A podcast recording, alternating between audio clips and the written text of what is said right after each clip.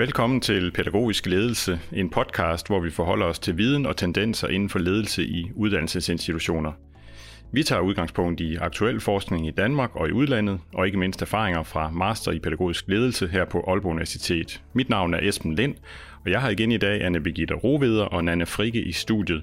I er begge forskere på Aalborg Universitet og koordinator på Master i Pædagogisk Ledelse. Velkommen til jer.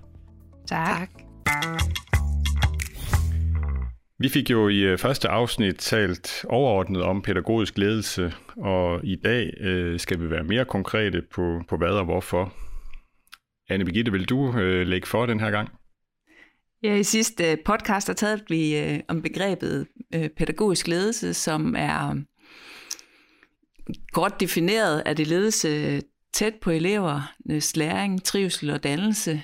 Det handler i høj grad om, at den pædagogiske leder kommer, kommer tæt på lærerne, pædagogernes praksis, er ude og tale med elever, er ude og tale med lærerne, sætter retning for den måde, øh, pædagogikken øh, foregår på skolerne. Pædagogisk ledelse er sådan et, et relativt nyt fænomen i Danmark, og er opstået, tror jeg, på bagkanten af, af internationale forskningsresultater og politiske ideologier. Så det er også sådan et, øh, man kan sige, det er blevet sådan en, en idé, som egentlig måske også har fået lidt kritik for at være sådan instrumentel i sin tænkning, at der var nogle bestemte praksiser, man skulle indføre. Hvis man blot indførte dem, så, øh, så ville man opnå en effekt på elevernes læring. Øh, noget af det, vi meget fortaler for, det er, at pædagogisk ledelse er et meget komplekst fænomen, og så simpelt er det ikke. Øhm, så, øhm, så det handler i virkelig høj grad om at, at kende den her kompleksitet, og det synes jeg kunne være spændende at tale noget mere om i dag. Det glæder vi os til, og øh, ja, det er jo så andet afsnit af podcasten, og øh, vi skal et, et spadestik dybere øh, omkring, hvad er pædagogisk ledelse, og hvorfor pædagogisk ledelse, øh, og selvfølgelig de her, den her kompleksitet, og, og øh, hvad er det, man, man i praksis kan, kan bruge pædagogisk ledelse til. Vil du, øh, Anne Birgitte, øh, starte med at tale lidt om øh, ja, prioriteringen, øh, blandt andet ude på skolerne? Altså omkring pædagogisk ledelse og, og, og kvaliteten. Jeg tror, noget af det, jeg sluttede af i sidste podcast med at sige, det, det var det med, at man skulle passe på, at man ikke øh, kommer til at indføre pædagogisk ledelse som sådan en teknologi, og at man forestiller sig, at hvis blot jeg gør sådan og sådan her som, som leder, så får jeg en effekt på elevernes læring. Øhm, så derfor er det vigtigt øh, at prioritere øh, tid til at gå bag om problematikkerne, analysere, hvad er, hvad er det, der er i spil her i virkeligheden, folde kompleksiteten af problemerne ud. Øhm, og det i første omgang, så handler det om at forstå, hvad er komplekse problemer. Det er nok i virkeligheden dig en anden, der allerbedst kan forklare det.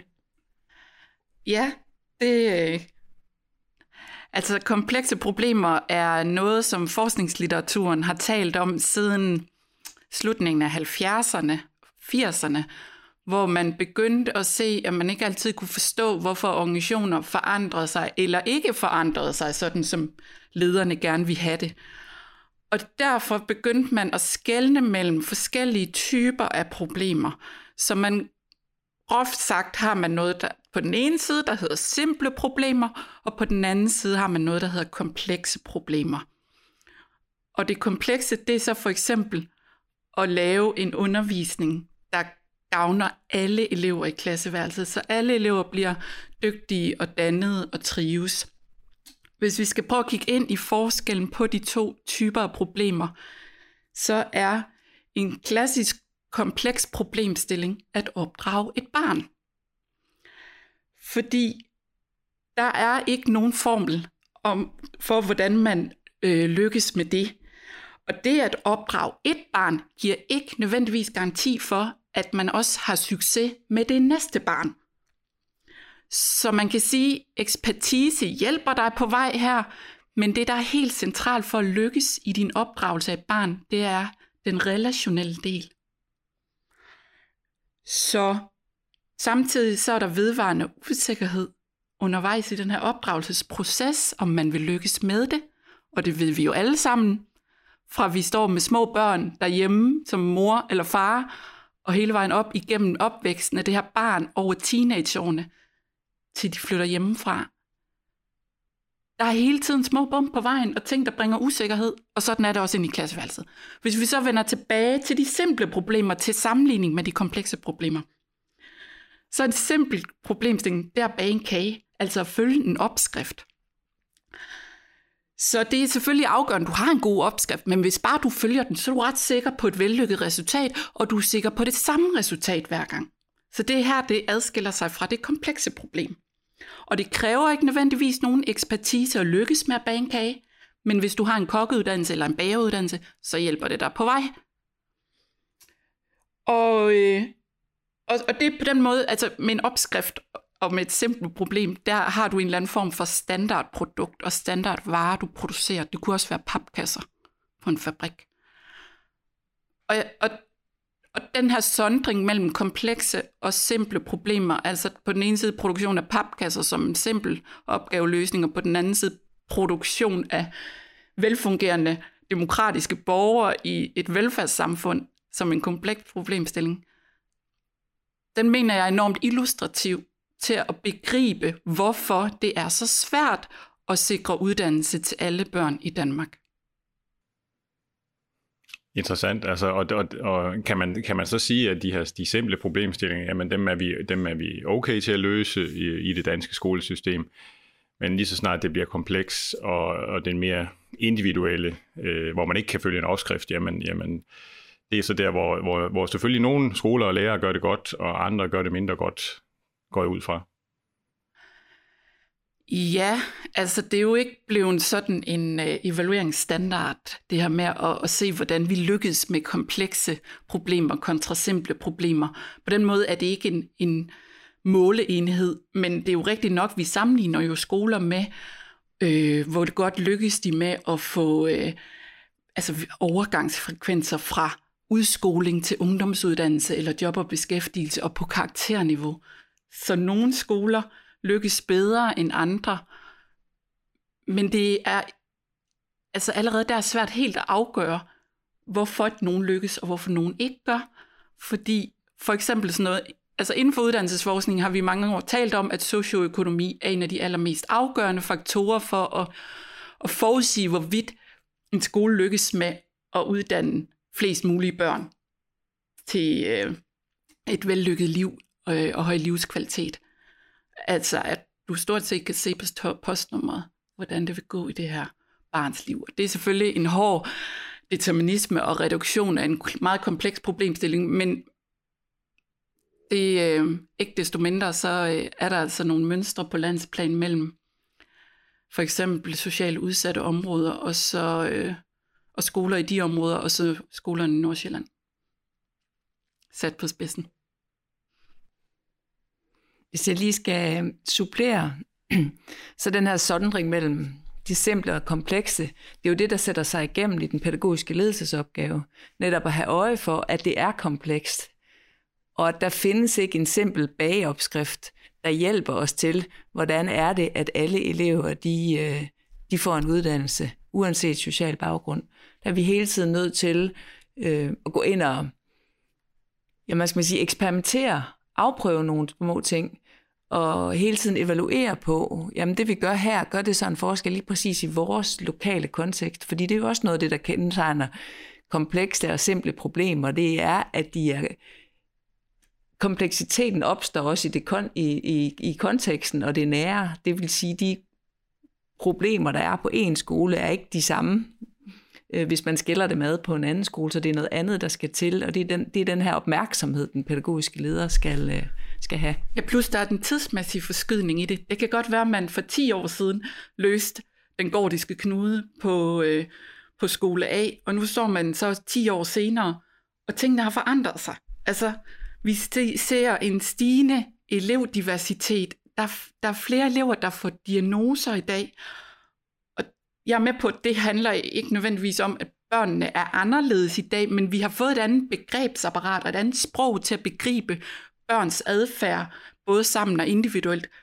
Øhm, Der er hele tiden reformer, der kommer rullende ind over skolen og skal implementeres og gøre noget ved lærerne, gøre noget ved børnene, gøre noget ved klasseværelserne. Der er teknologi, der kommer rullende ind over, gør noget ved undervisningen, gør noget ved børnene, gør noget ved lærerne. Og så er der for eksempel kriser. Vi har lige stået og står sådan set stadigvæk i en coronakrise, som jo har, i den grad har rullet ind over skolen og lukket den ned og bragt en masse børn og lærere og forældre, skoleledere ud i helt nye undervisningssituationer og læringskontekster. Så, så den, der er også en tidsmæssig forskydning, sådan så det, der virkede for, for tre år siden, det er ikke sikkert, man kan få det til at virke i dag. Fordi der er så meget, der har ændret sig i vores forståelse af undervisning og læring. Pludselig er det blevet mere naturligt, at man også kan sidde derhjemme og være med på en skærm.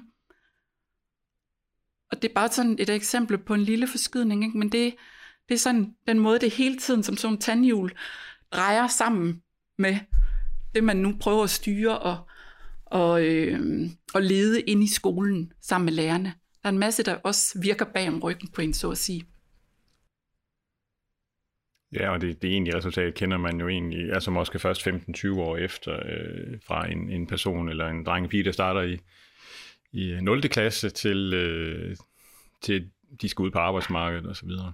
Ja, og det er jo så en helt tredje dimension i det, at den enkelte lærer kan stå og gøre det rigtig, rigtig godt fra dag til dag, sammen med sine kolleger i et team omkring 3. A, men der er ingen af dem, der reelt ved, om de lykkes med det for, før, altså det kan være svært at måle for, for om 10 år, så de står fra dag til dag og skal vurdere, om de gør det rigtigt, uden at have mulighed for at se ind i fremtiden og se, om det vi gør lige nu, er det det Peter egentlig har brug for, eller vil det være, hvis vi kunne kigge ind i fremtiden og se, havde, vi havde han så bedre af, at vi gjorde noget andet for ham lige nu.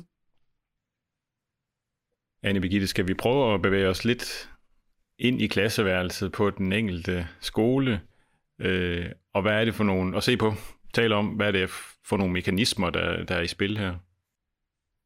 Ja, lad os gøre det, fordi nu har vi jo sådan fået konteksten klar omkring hele den her kompleksitet. Så det handler jo om, hvordan er det så, man som, som lærer i klasseværelset kan, kan lære at agere i kompleksitet.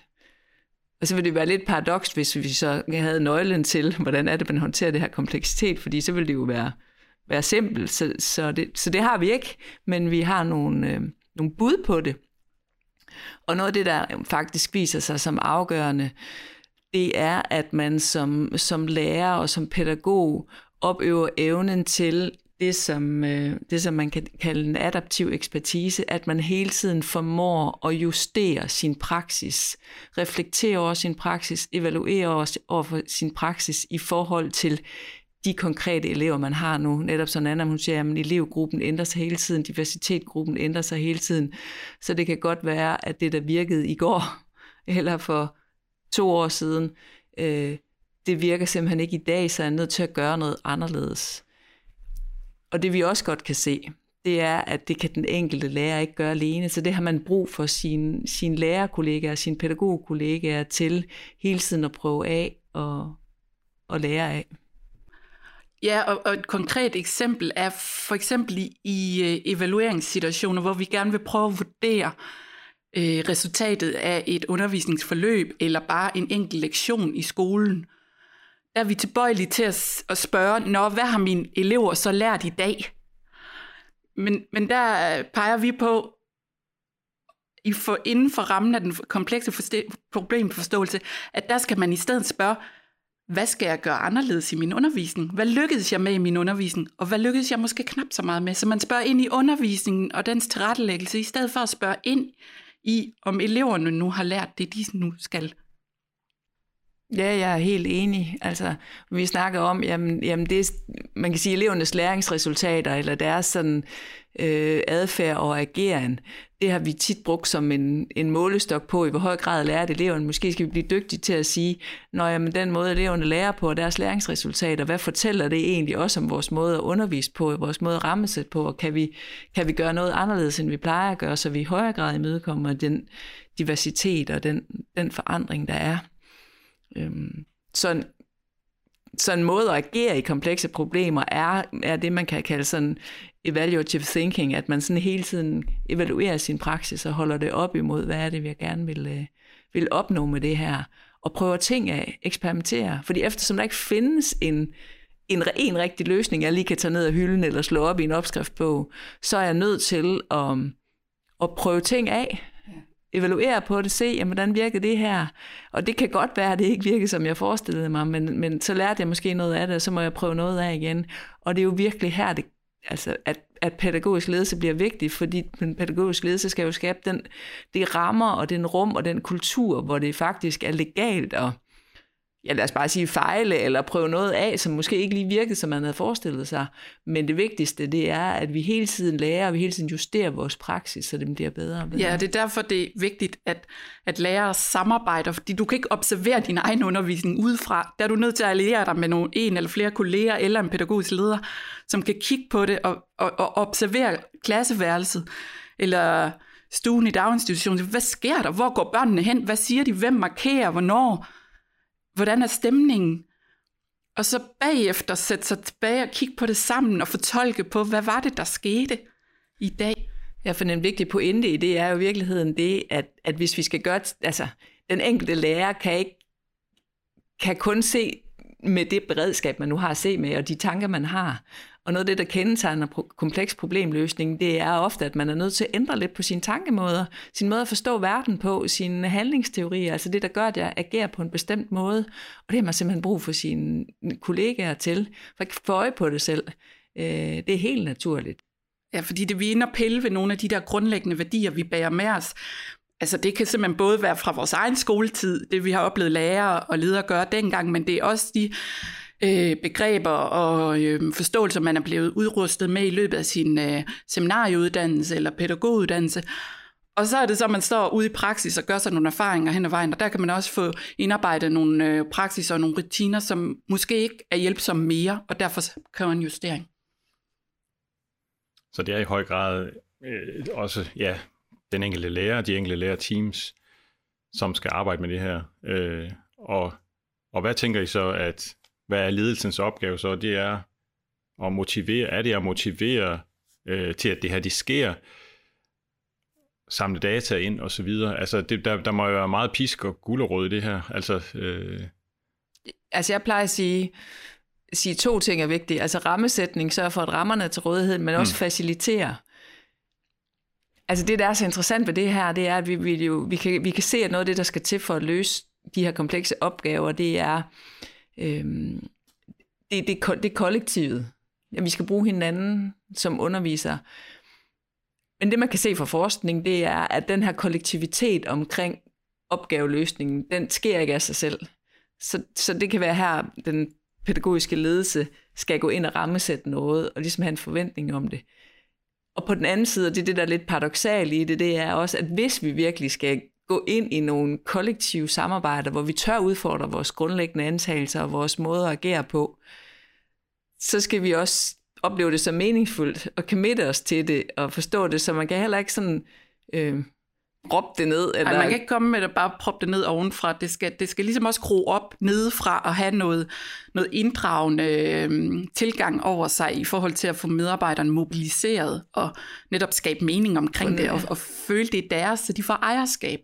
Og det er jo der, hvor det bliver også, pædagogisk ledelse bliver så komplekst, ikke? fordi du kan ikke bare gå ind og så sætte professionelle læringsfællesskaber for eksempel på, på dagsordenen og sige, nu gør vi det sådan og sådan. Du er nødt til at tænke i, hvordan er det, jeg kan opbygge det øh, nedfra, ja, for eksempel, altså, noget, noget af min forskning øh, på erhvervsskoler har vist, hvor forskelligt pædagogisk lærere på forskellige erhvervsuddannelser tænker. Altså pædagogik i smedeuddannelsen er noget helt andet end inde på kokkeuddannelsen. Så hvis du skal have de lærere til at arbejde øh, i samme retning, øh, så, så, så kræver det forskellige øh, rammesætninger og faciliteringsprocesser ind i de lærerteams.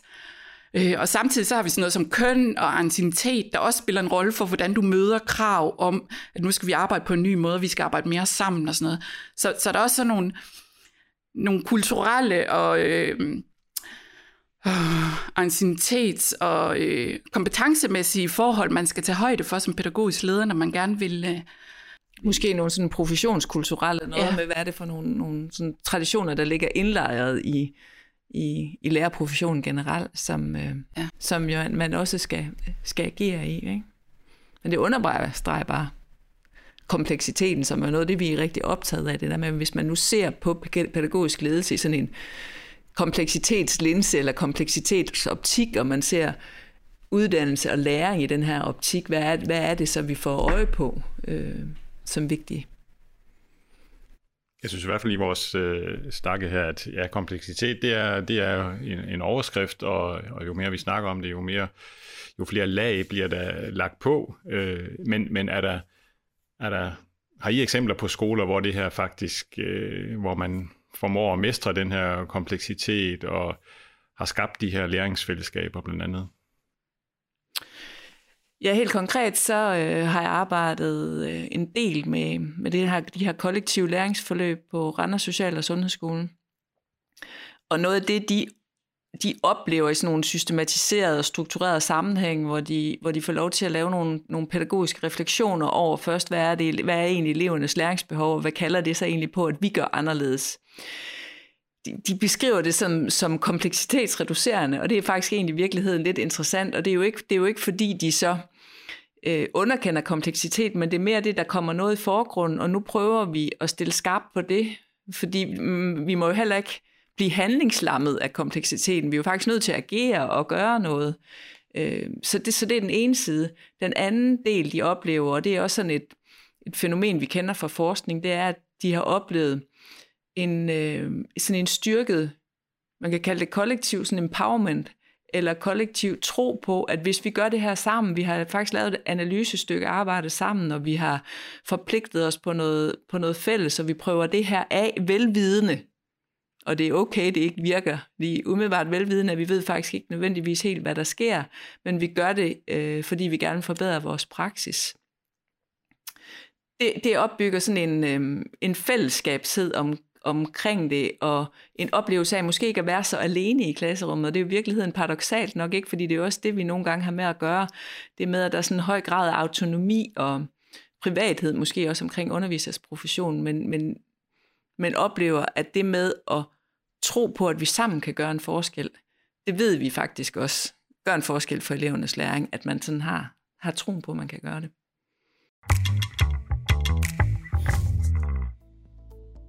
Lad det være de afsluttende ord omkring øh, pædagogisk ledelse for dette afsnit.